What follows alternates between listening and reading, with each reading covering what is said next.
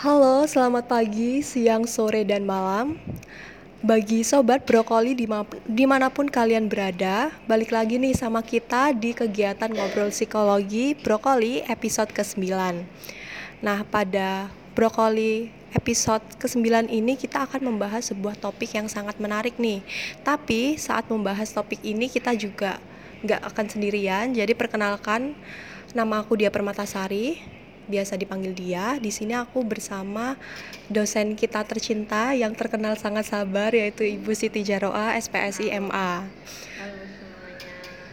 Gimana Bu kabarnya hari ini? Sehat, alhamdulillah sehat banget. Kamu gimana kabarnya? Alhamdulillah Ibu. alhamdulillah saja. Oke. Okay. Uh, eh, jadi Ibu akhir-akhir ini kesibukannya apa? Semuanya masih kayak biasa, ngajar. Ngajar. Itu yang paling utama, ngajar. Habis itu paling kesibukan dosen yang lain ngurusin administrasi ngurusin kegiatan jurusan dan sebagainya Oke, cukup sibuk ya Bu, banyak yang harus diurus. Oke, baik. Uh, sebelumnya di sini aku izin menyampaikan bahwa topik kali ini tidak kalah serunya dengan topik brokoli di episode sebelumnya.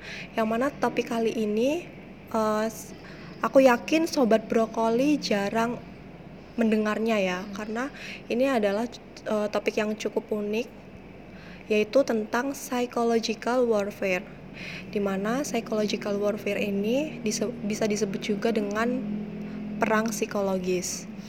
Nah, jadi bahasan kita kali ini adalah psychological warfare di balik layar perang psikologis. Nah, sebelum membahas uh, lebih lanjut terkait psychological warfare bersama Bu Siti Jaroa, di sini uh, aku izin menyampaikan bahwa kenapa sih kita perlu untuk membahas terkait psychological warfare ini di mana uh, eh, kita sebagai mahasiswa psikologi juga pastinya banyak belajar mengenai beberapa hal ya. Nah, salah satunya yaitu psychological warfare ini. Akan tetapi topik bahasan ini tuh cukup unik karena cukup apa ya? cukup jarang dibahas karena di psikologi sendiri itu kita sering kali itu mengenalnya kita cuma mempelajari gangguan psikologi atau gangguan mental saja. Akan tetapi ternyata tidak seperti itu loh teman-teman. Kita juga di sini belajar mengenai bagaimana sih uh, perang jika dilihat dari perspektif psikologi juga. Nah, yaitu bagaimana uh, sesuatu hal itu dapat mempengaruhi persepsi seseorang dan lain sebagainya gitu. Jadi kurang lebih seperti itu. Nah, sebelum kita membahas cara mendalam mengenai psychological warfare ini, di sini uh, aku izin bertanya nih, Bu. Hmm. Sebenarnya psychological warfare itu definisinya itu seperti apa ya, Bu? Sebenarnya kalau kita ngomongin psychological warfare itu uh, sederhananya itu kayak semacam taktik. Bisa hmm. taktik, bisa dikatakan propaganda, bisa dikatakan uh, manipulasi informasi bisa dikatakan apa pun segala usaha usaha gitu yang itu direncanakan. Yang tujuannya itu untuk mengubah persepsi mengubah uh, sudut pandang mengubah perilaku mengubah uh, segala konteks psikologis pada diri individu yang itu berkaitan atau terjadi pada konteks perang gitu kayak misalnya ketika contohnya ya kita pakai contoh yang saat ini perang sedang terjadi itu misalnya antara Israel sama Palestina, Palestina gitu ya.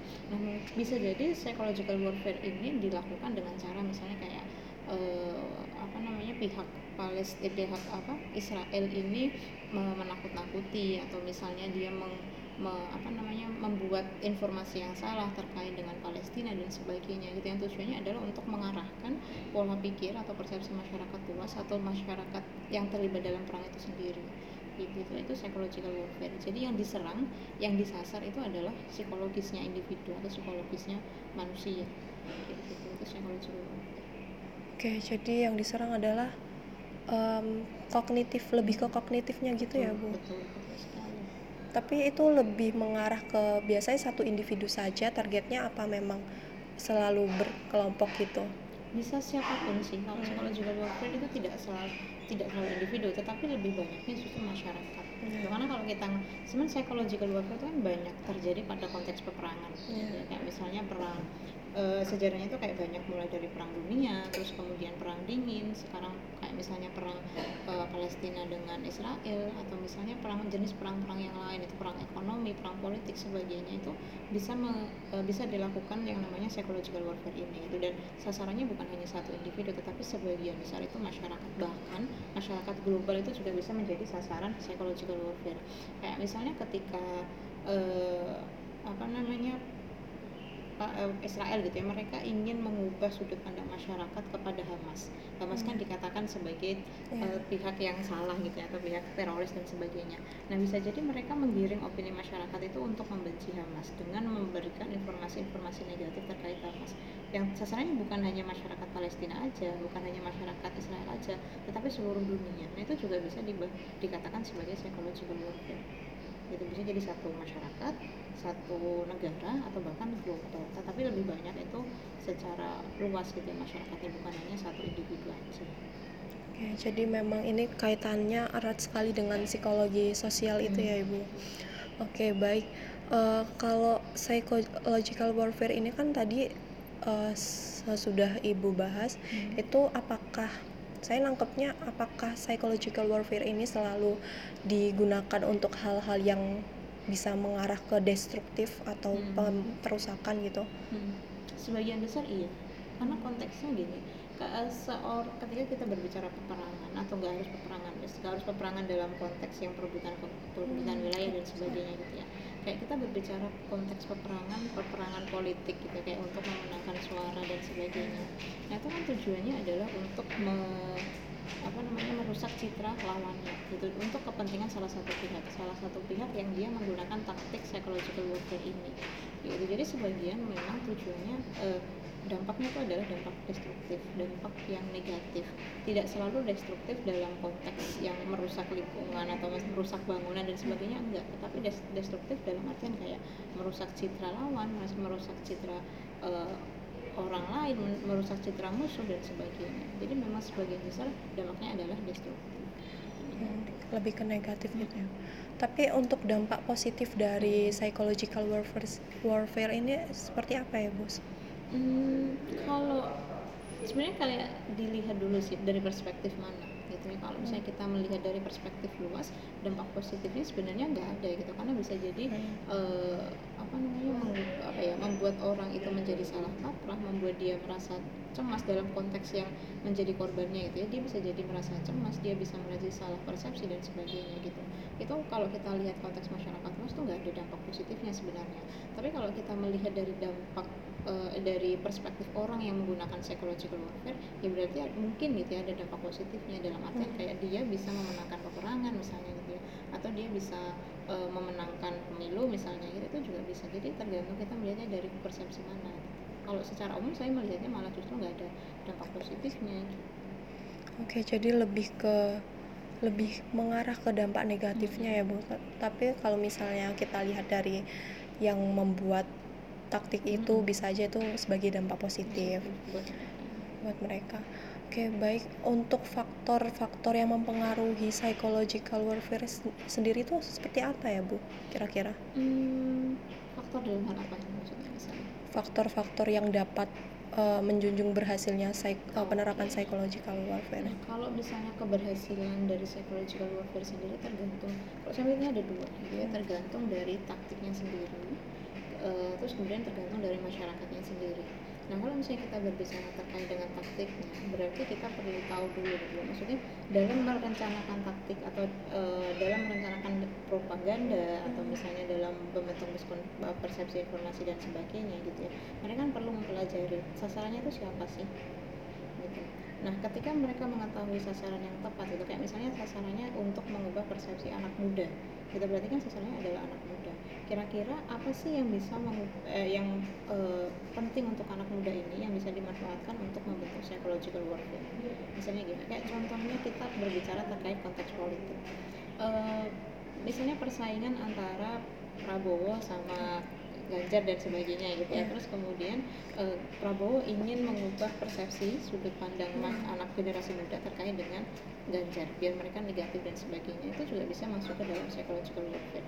Nah kira-kira yang menarik dari anak muda yang bisa kita manfaatkan untuk mengubah persepsi mereka agar negatif kepada Ganjar itu apa sih? Misalnya kita mungkin kita memanfaatkan sosial media terus kemudian kita memanfaatkan karakteristik Ganjar yang mungkin tidak disukai Hmm. oleh anak muda dan sebagainya gitu. Nah itu kan bisa ketika plannya itu tepat sasarannya itu tepat informasinya disajikan itu tepat pada akhirnya warfare, psychological warfare ini bisa berhasil. Tetapi kalau misalnya ternyata sasarannya nggak tepat informasinya nggak tepat juga gitu pada akhirnya apa yang dilempar ke masyarakat itu pun juga tidak akan tepat sasaran. Gitu. itu dari eh, dari proses pembentukannya proses pembentukan psychological warfare-nya terus selain itu juga dari si masyarakatnya itu sendiri apakah mereka konteks masyarakat yang mudah untuk dipengaruhi atau enggak? Kalau misalnya mereka contohnya gitu ya eh, ada masyarakat yang mereka terliterasi Hmm. ada masyarakat yang enggak terliterasi. Nah masyarakat terliterasi sama enggak itu kan pasti berbeda dampaknya. Kalau yang terliterasi mungkin mereka akan lebih kritis untuk eh, menilik gitu ya ini informasinya benar nggak sih ini informasinya itu buatan aja atau enggak sih gitu tetapi kalau mereka tidak terliterasi mereka tidak terbiasa untuk mengkritisi sebuah informasi pada akhirnya psychological warfare ini akan sangat mudah masuk kepada mereka Gitu. Jadi eh, sebenarnya untuk faktor yang mempengaruhi keberhasilan psychological warfare ini juga dilihat dari bagaimana cara kita eh, memsurvei Hmm. siapa target kita sebenarnya gitu ya Bu. Jadi pintar-pintar kita dalam mencari kelemahan-kelebihan dari si target ini tadi. Lebih ke target atau audiensnya ya Bu. Mm-mm. Oh, berarti nggak ada hal yang lain lagi atau justru hal yang lain itu cuma berdampak eh, sedikit gitu dalam Hal- keberhasilan. hal yang lain misalnya In- dalam bayangannya dia Kalau dari bayangan saya hal lain itu seperti kayak kekuatan entah ekonomi, entah kekuatan Mhm. eh, si yang punya taktik ini dalam Oh, dalam mengetahui teknologi gitu. Oke, oh iya, Eh, itu juga menurut saya bisa bisa berperan gitu kayak misalnya itu kan berarti kita berbicaranya sumber daya, ya. sumber daya si orang yang dia membuat atau dia memanfaatkan psychological warfare ini. Ketika dia mempunyai sumber daya yang bagus itu juga akan mendukung keberhasilan dari si psychological warfare. Katakanlah gini kayak eh, kita contohnya pakai Palestina sama Israel lagi Iya, gitu ya. iya. Nah sumber daya dari Palestina sama Israel itu kan sangat berbeda jauh. Jadi di mana yang Israel ini mereka sumber dayanya sangat kuat sekali dan mereka mendapat banyak dukungan entah dari uh, pihak-pihak oposisinya itu saya nggak ingin menyebutkan biar biar kalian aja gitu yang menyebutkan Uh, itu pasti akan sangat membantu dan mendukung Hmm. Palestina Israel ketika dia mela- melancarkan psychological warfare sementara dari pihak Palestina yang dia tidak mem- memiliki sumber daya yang cukup mendukung gitu kayak misalnya secara teknologi secara uh, apa namanya support, support uh, finansial dan sebagainya itu pun juga akan sangat mempengaruhi mereka gitu untuk keberhasilan perang yang mereka lakukan gitu dan hal ini konteks psychological warfare atau misalnya ketika kita menggunakan konteks politik gitu ya, kayak Iya. sekarang kan isu politik lagi Boom, lagi booming ya, lagi, rame, panas. lagi panas gitu Iya. karena mau pemilu Iya. nah itu kan pas akan sangat menentukan kira-kira sumber daya yang dimiliki masing-masing pasangan itu seperti apa sih gitu untuk mendukung mereka gitu itu juga karena gini sih menurutku kalau kita ngomongin eh, konteks pemilu saat ini atau segala konteks peperangan apa pun gitu ya psychological warfare itu menjadi sangat sangat apa ya sangat umum untuk dilakukan Hmm. karena ketika mereka hanya melakukan secara eh, biasa kayak misalnya kampanye aja hanya ngambil suara meningkatkan elektabilitas dan sebagainya itu kurang kuat gitu. Maka eh, maka mereka pasti akan menggunakan taktik membarengi bagaimana caranya mereka mempengaruhi persepsi masyarakat entah itu dengan menaikkan citra mereka sendiri atau dengan menjatuhkan citra lawannya gitu. Nah itu kan sangat psikologi sekali ya mempengaruhi citra eh mempengaruhi persepsi masyarakat itu kan sangat psikologi sekali dan itu bisa di- dijadikan eh, apa ya bisa dikatakan juga sebagai psychological warfare Jadi psychological warfare itu benar-benar erat kaitannya dengan persepsi individu gitu ya. Bu. Jadi dari sini juga eh, kira-kira psychological warfare ini selain menghasilkan dampak-dampak tersebut, ini kira-kira bagi suatu negara itu juga berarti tidak apa ya? Misalnya nih ada peperangan nih Bu, berarti juga nggak mesti ada keuntungan atau kerugian ya bisa aja dalam penerapan psychological warfare ini apakah kayak flat aja gitu atau gimana ibu untuk dampaknya Hmm, belum nangkep banget itu gimana? Hmm. misalnya misal eh, dampak yang dihasilkan dari adanya psychological Hmm. warfare ini itu kan bisa saja ada kemenangan gitu ya. Bu dari suatu negara atau Hmm. apa pun itu. Nah, tapi kalau misalnya nih apakah bisa dampaknya itu kayak kayak nggak ada dampak sama sekali kayak Hmm. benar-benar ya udah flat aja gitu kayak sama sama seperti sebelum melakukan sama Sama. seperti uh, sebelum mereka melakukan psychological warfare ini. Eh, kalau misalnya yang kayak gitu, ya mungkin bisa, tetapi saya tidak melihatnya itu sebagai sebuah hal yang flat gitu, karena Hmm. pasti akan berdinamika. Hmm. Berdi- eh, gini, ketika seorang individu atau seorang masyarakat itu di menjadi sasaran psychological warfare pasti akan sangat dinamis maksudnya apa ya eh, kon aspek psikologisnya itu pasti akan sangat dinamis sekali itu kayak misalnya mereka mempertanyakan informasi yang mereka dapatkan mungkin akan mengubah persepsi mereka mungkin akan mengubah bahkan mungkin akan mengubah perilaku mereka. Gitu itu kan sangat dinamis sekali ya dinamika psikologisnya itu sangat terjadi pada masyarakat yang menjadi sasaran. Tetapi apakah ini akan selalu berujung pada kemenangan? Tidak gitu. Kalau misalnya kayak misalnya pasti gitu ya ma- eh, Hmm. tokoh atau atau kelompok atau oposisi yang menggunakan psychological warfare mereka pasti akan menang. Enggak. Bisa jadi hasilnya adalah ya mungkin mereka kalah atau mungkin tidak terjadi eh, perubahan apa pun gitu dengan kondisi sebelumnya. Tetapi bukan berarti ini tuh flat. Karena kalau kita ngomongin dinamika psikologis itu pasti akan ada dinamikanya gitu. Tapi memang tidak selalu hasilnya adalah kemenangan. Kalau kita pakai psychological warfare itu. Oke, baik Ibu. Tadi juga sempat dijelaskan bahwa salah satu teknik atau taktik dari psychological warfare ini adalah propaganda. Nah, se- eh, kalau misalnya selain dari propaganda itu apakah ada teknik atau taktik lain ya Ibu dari psychological Hmm. warfare ini? Eh, selain propaganda bisa juga misalnya penyebaran informasi yang salah Hmm, hmm. Eh, terus kemudian eh, pemanfaatan media misalnya gitu ya atau misalnya eh, teror. Teror itu juga bisa menjadi salah satu eh, teknik psychological warfare teror yang tidak melibatkan kekerasan. Misalnya kayak apa ya penjelekan nama baik dan sebagainya ancaman dan sebagainya itu juga bisa menjadi psychological warfare Hmm. Eh, kayak misalnya kalau ancaman gitu ya kayak eh, apa namanya contohnya pasangan yang sedang ber apa pemilu gitu ya.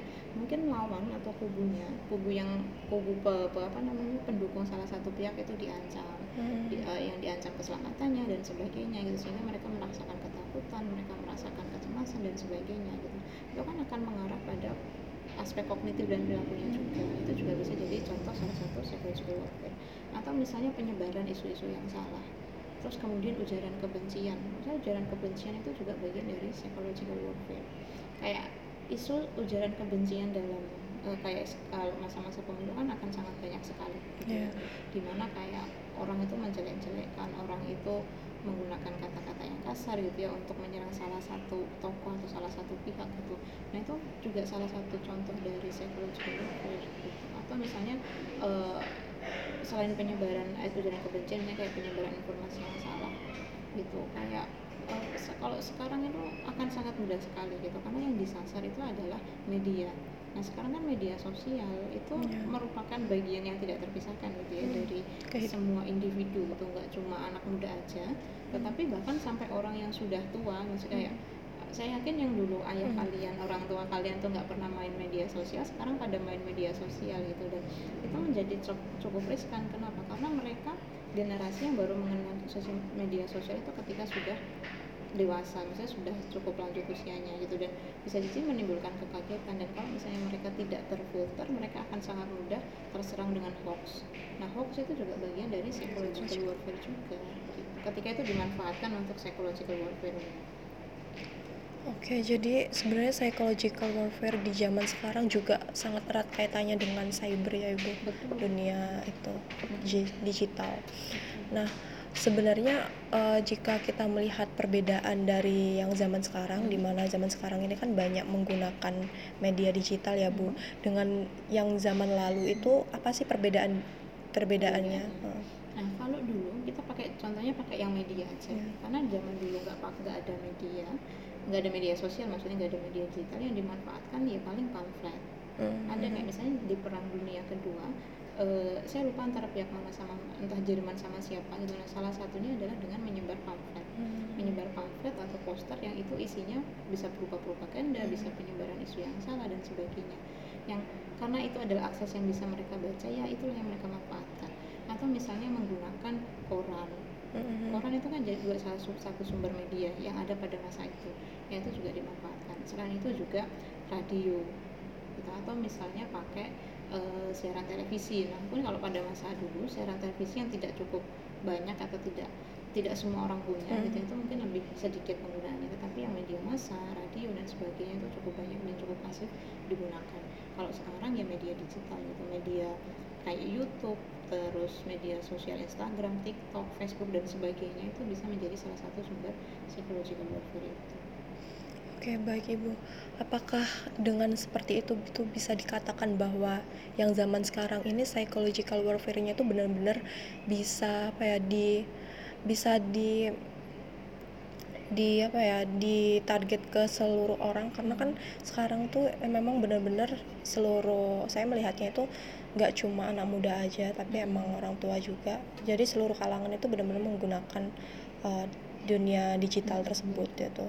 Jadi apakah ada tantangan tersendiri tantangan atau rintangan yang berbeda dengan yang zaman dulu dan zaman sekarang? Karena kan emang zaman sekarang itu ada media sosial. Bahkan kadang tuh ada yang sifatnya anonim gitu ya Iya, bu. betul. nah itu apakah ada tantangannya tersendiri?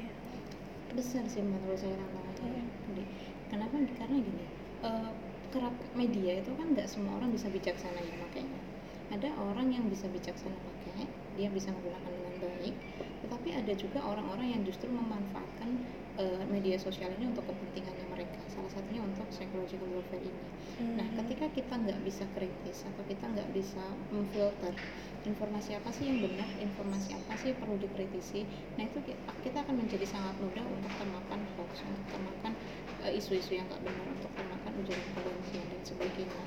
Dan eh, bisa jadi karena eh, para pelaku kepentingan gitu ya orang-orang yang berkepentingan dengan media sosial ini mereka memanfaatkan sosial media ini atau media secara umum gitu untuk menyerang para target eh, mereka gitu ya, yang mereka gunakan untuk warfare ini. Jadi kayak menurut saya tantangannya adalah bagaimana kita meningkatkan eh, pola pikir kritis kita atau analytical thinking kita agar kita itu tidak mudah termakan isu-isu yang nggak benar. Gitu karena kayak eh, berita atau bahkan gini saya mau saya ngomongnya gini sih kebenaran kebenaran itu tergantung bagaimana kita memolesnya Hmm. gitu kayak misalnya isu contoh gitu ya ini sebenarnya isu yang cukup sensitif ya Iya. kayak misalnya isu PKI Hmm. gitu kerap kali kita memandang PKI dari segi yang negatif. Hmm. karena kita dibentuknya tuh demikian gitu. Kayak Hmm. kita tuh dibentuknya bahwa orang-orang PKI itu orang-orang yang jahat orang-orang PKI itu orang-orang yang melawan negara dan sebagainya gitu. Itu kan sebenarnya pembentukan dari media. Media yang selama ini dibentuk oleh entah pemerintahan entah orang yang berkepentingan dan sebagainya tetapi apakah kenyataannya seperti itu nah itu kan kita perlu untuk mengkritisi lagi kan Hmm. gitu karena pada akhirnya banyak ada beberapa yang saya baca gitu ternyata kayak tidak selamanya PKI yang selama ini tadi Hmm. dikorbankan entah mereka yang meninggal dan mereka yang di apa namanya dibunuh pada waktu itu itu semuanya memang benar-benar PKI tetapi bisa jadi adalah orang-orang yang mengancam posisi para petinggi pada masa itu nah itu kan kalau kita kontekskan pada masa saat ini itu juga masih sangat relevan menurut saya. Hanya saja Hmm. medianya aja yang berbeda gitu. Kayak media yang dimanfaatkan adalah media sosial. Dan karena media sosial itu kan sangat mudah sekali ya diakses. Kayak yang penting kamu punya paketan yang penting kamu ada wifi kamu bisa dengan sangat mudah mencari informasi gitu. Kayak dari setiap hari kan kamu coba deh kamu berapa berapa la- lama kamu scrolling media sosial dalam sehari kurang lebih 4 jam 5 jam. 4 jam 5 jam Iya. dalam sehari itu. Nah dalam 4 jam 5 jam itu kan kamu sangat banyak sekali dapat informasi. Kayak gitu. Nah itu kalau misalnya eh, kita memanfaatkan itu dengan sangat baik ya bagi mereka yang berkepentingan sekali lagi itu akan sangat mudah untuk mengubah persepsi dan proses kognitif seorang individu. Apalagi gini kalau kita ngomongin media sosial kan kita ngomongin juga algoritma Ya betul tuh Iya. benar semakin sering kita melihat satu berita atau satu Hmm. informasi kita akan semakin tergiring ke berita-berita itu kayak misalnya saat ini misalnya gitu, gitu ya. Saya suka nonton isu politik. Ya enggak sih sebenarnya contoh aja. Misalnya saat ini saya lagi senang banget nonton isu politik. Saya bukanya tuh di Instagram. Iya. tapi nanti yang muncul tuh nggak cuma di Instagram loh. Hmm. di Twitter nanti akan muncul berita soal politik. Nanti ketika saya nonton YouTube akan ada isu soal politik gitu. Terus kemudian ketika nanti saya buka media sosial yang lain itu juga isu politik gitu. Itu kan eh, saling apa ya saling terhubung satu sama lain gitu. Nah itu kan eh, luar biasanya algoritma kayak gitu. Nah kalau misalnya kita ternyata terbiasa membuka satu berita dan kita tergiring ke berita-berita yang lain itu kan akan semakin masuk ya akan semakin terinput eh, apa namanya informasinya. Dan itu pasti akan membentuk pola pikir kita. Oke, jadi benar-benar uh, psychological warfare yang di zaman sekarang ini sangat erat kaitannya dengan dunia digital gitu ya ibu. Jadi nggak melulu yang seperti yang dulu harus cetak pamflet dulu untuk menyebarkan propaganda. Bahkan kalau yang zaman sekarang ini lebih mudah gitu ya ibu. Untuk kita sendiri, apalagi anak muda ini bahkan bisa aja menjadi salah satu target dari psychological warfare ini ya bu. Oke, baik. Eh, kalau begitu, strategi apa yang dapat kita lakukan, apalagi sebagai genera Gen Z Hmm. yang sangat erat kaitannya dengan media digital ini, untuk dapat bu- untuk dapat menghadapi adanya psychological warfare ini, bu? Oke, yang pertama literasi sih. Literasi itu menjadi sangat penting. Iya. Gitu, kayak ketika kita menggunakan media sosial atau kita membaca berita, kita tidak boleh untuk menerima mentah-mentah berita itu. Gitu. Nah, kalau kita ngomongin literasi ya berarti kita perlu untuk mendapatkan informasi sebanyak mungkin. Gitu ya. Maksudnya kita tidak hanya melihat dari sudut pandang aja. Gitu dan kalau kita sudah melihat dari sudut pandang, oke kita percaya sama itu tuh nggak Hmm. bisa. Kita perlu untuk membandingkan, kita perlu untuk mencari sudut pandang alternatif itu kira-kira benar nggak sih apa yang disampaikan ini? Atau mungkin salah gitu ya? Nah itu kita perlu untuk tahu dan kita perlu untuk eh, apa ya mengkritisi semua itu gitu. Dan kalau misalnya kita sudah cukup kritis tuh kemungkinan kita untuk terjebak akan menjadi semakin kecil. Tetapi kalau misalnya kita baca aja males gitu ya kita nggak mau terliterasi pada akhirnya kita akan mudah percaya dengan satu berita informasi kayak gitu. Dan mungkin juga salah satu halnya adalah eh, tidak terbiasa untuk menyebarkan informasi ini tuh terutama kepada bapak-bapak sih ya. Maksudnya kepada nggak harus bapak-bapak sih.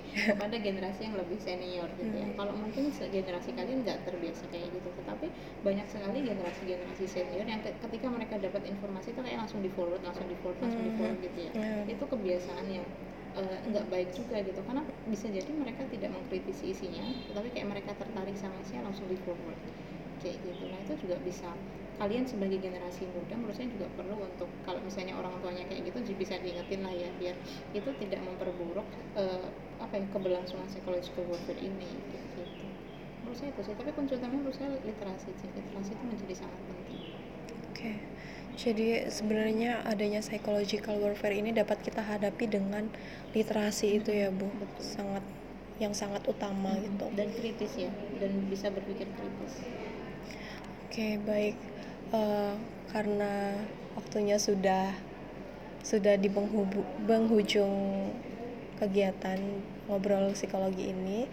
Jadi sebelumnya saya berterima kasih terlebih dahulu kepada Ibu Siti Jaroa karena telah meluangkan waktunya untuk membagikan ilmu mengenai psychological warfare yang mana ilmu ini tentunya sangat sangat penting untuk kita ketahui bersama karena di zaman sekarang ini psychological warfare itu dapat kita bahkan saat kita di rumah pun kita bisa aja terkena psychological warfare ini gitu. Baik, terima kasih Ibu atas kesempatannya. terima kasih juga buat kesempatannya saya dikasih kesempatan buat sharing di sini terima kasih Iya. Atas segala kesalahan yang ada, saya ucapkan mohon maaf dan terima kasih. Wassalamualaikum warahmatullahi wabarakatuh. Waalaikumsalam warahmatullahi wabarakatuh cepet banget Cepet banget. Coba berapa ya? berapa lama ya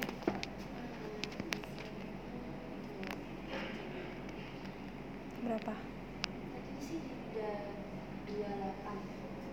biasanya berapa menit Ya 30 menit maksimal.